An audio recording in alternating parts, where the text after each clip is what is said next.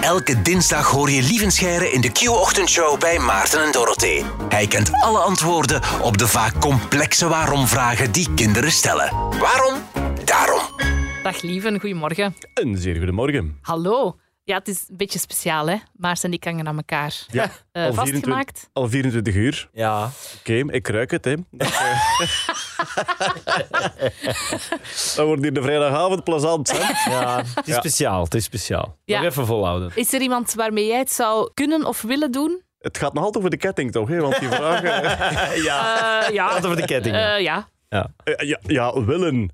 Nee. Kunnen. Ja, Margot Robbie of zo zeker. Aanlezen. Ja. Ja. Ik moet wel zeggen, ik ben eigenlijk wel content dat je met een ketting aan elkaar hangt. Want ik las de meest extreme teambuilding ooit. Ik heb de film Alive gezien en allee, het, valt, het valt mee. Ik ken die niet live. Nee, ik was ook gewoon aan het mailen. Nou, nee, wacht. Oké, ah, ja, dat zijn eh, mensen die eh, met een vliegtuig crashen in de Ah Andes. ja. Ja, Oh. ja, En, ja, eh, ja, ja, ik ken hem. Van dat sportteam. Ja, dat vond ik de meest extreme Ja, teambuilding. dit is erger.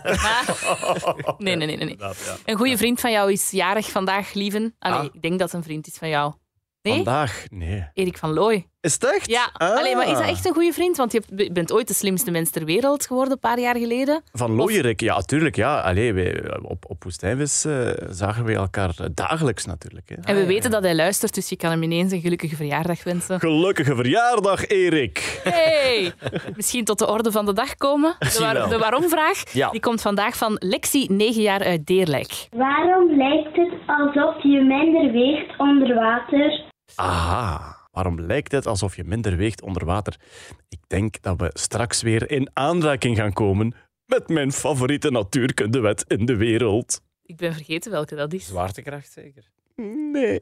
Spannend. We hebben te maken met een object dat in het water drijft of dobbert of gelijk wat. En dan komen we natuurlijk uit bij de wet. Wet van Archimedes. Ja! Oh, je hebt het geraden, Op de Maarten. valreep. Op de valreep. Punten voor Oh, dat was ik Maarten, inderdaad. De wet van Archimedes. En omdat je het zo goed geraden hebt, mag je hem nu ook eens opzeggen, Maarten. Ah, het heeft te maken met water dat is verplaatst. Heel- als helemaal juist. je Ja, ja, ja, ja. die plek van het water inneemt, zoiets. Ja, klopt. Ja, inderdaad. Dus als, als een boot op het water drijft, hè, waarom drijft die?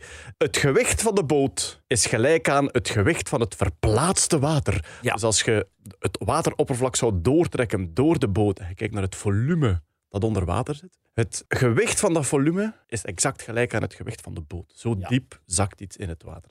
En ja, een mensenlichaam is als je uitademt, ben je zwaarder dan water. En als je inademt, zijt je lichter dan water. Omdat je longen natuurlijk vullen met lucht. Vind ik altijd heel plezant om te doen in het zwembad. Je hangt zo een beetje te dobberen in het water. En dan ademt je helemaal uit. En dan zakt je langzaam naar beneden. Tof om te doen. Maar niet te lang, want je moet daarna terug lucht gaan halen.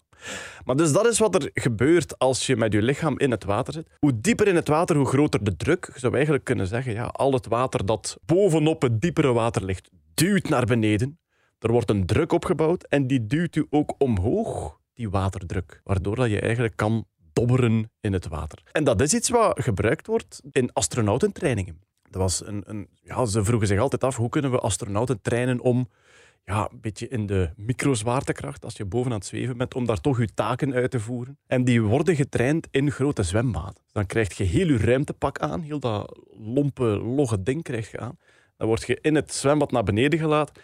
En daar hangt dan meestal beneden in het zwembad een complete replica van het ruimtetuig dat je moet herstellen. Och. En dan doen zij dus volledige oefeningen. De, de Hubble Space Telescope is zo ooit hersteld in de ruimte. En dat is een volledige replica van Hubble gebouwd, in het zwembad neergelaten. Astronauten daar rond en dan moesten die daar onderdelen uitklikken en andere daarin zetten. Echt oefenen om het dan daarna voorrecht te doen in Ja. de ruimte. Ja, inderdaad. Eh, wat ook altijd bovenkomt bij dit soort vragen is het verschil tussen massa en gewicht. Vooral leerkrachten natuurkunde in de middelbare school die kunnen zeer strikt en humeurig worden over het verschil tussen massa en gewicht. Want zij moeten dat er ja, echt instampen bij de leerlingen. En als je die door elkaar haalt, dan worden die vaak kwaad. Ja. En dat is moeilijk, omdat in ons taalgebruik halen we ze constant door elkaar. Wij zeggen bijvoorbeeld, ik weeg 80 kilogram, terwijl 80 kilogram is uw massa. En uw gewicht zou je eigenlijk moeten uitdrukken in Newton. Maar ja, houd u daarmee bezig. uw massa verandert niet. of dat je nu in de ruimte hangt of hier, ja, je massa is eigenlijk altijd hetzelfde. Ja. Je gewicht is hoe hard je naar beneden getrokken Ja. wordt door Juist. de aarde. En dat verandert nog eens afhankelijk van waar op de aarde dat je staat. Aan de evenaar is uw gewicht iets lager dan aan de Noordpool. En ook echt op de weegschaal? Ja, als uw weegschaal goed ingesteld staat, zou het hetzelfde moeten zijn, omdat uw weegschaal geeft uw massa aan in kilogram. Ja. En die is natuurlijk, die verandert niet, of dat er nu zwaartekracht is of niet. Ja. Maar uw weegschaal probeert uw massa in te schatten aan de hand van de kracht dat je naar beneden getrokken wordt.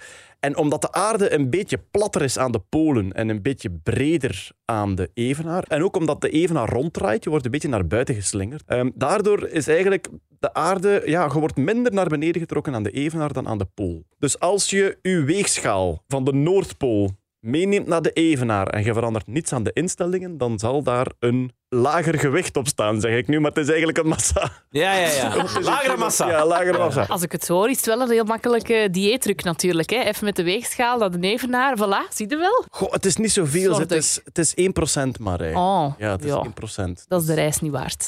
Nee. Ja, inderdaad. Dus in plaats van 50 kilo is dan 49,5 Jo, beeld. Maar, eh, verwaarloosbaar. ja, dus ik denk inderdaad voor, voor een aangenamer gewicht of massa. Die, die, op Ah, de- op wat de- is het nu? Ja, maar het, het is ambetant omdat wij zeggen ik weeg zoveel Ja, ja. kilogram, terwijl kilogram is eigenlijk massa. En dus eigenlijk moet je zeggen ik weeg 700 newton. En dus, samengevat, Waarom lijkt het alsof je minder weegt onder water? Uw massa blijft hetzelfde als je in het water drijft, maar de aarde trekt u wel naar beneden. Alleen de waterdruk duwt u ook weer omhoog. En daarom lijkt het alsof je lichter bent als je in het water drijft. we hebben weer heel wat bijgeleerd. Waarvoor dank, lieve Scheire. Ja, voilà. Ik hoop eh, tot volgende week als eh, jullie samenwerking Ja. deze teambuilding overleeft. En dan hoop ik dat jullie volgende week even geboeid luisteren. Oh! Iemand moest het doen. Iemand moest het doen. Dit was Waarom Daarom. Luister ook naar de andere afleveringen van deze podcast. Maarten en Dorothee hoor je elke ochtend van 6 tot 10 bij Q-Music.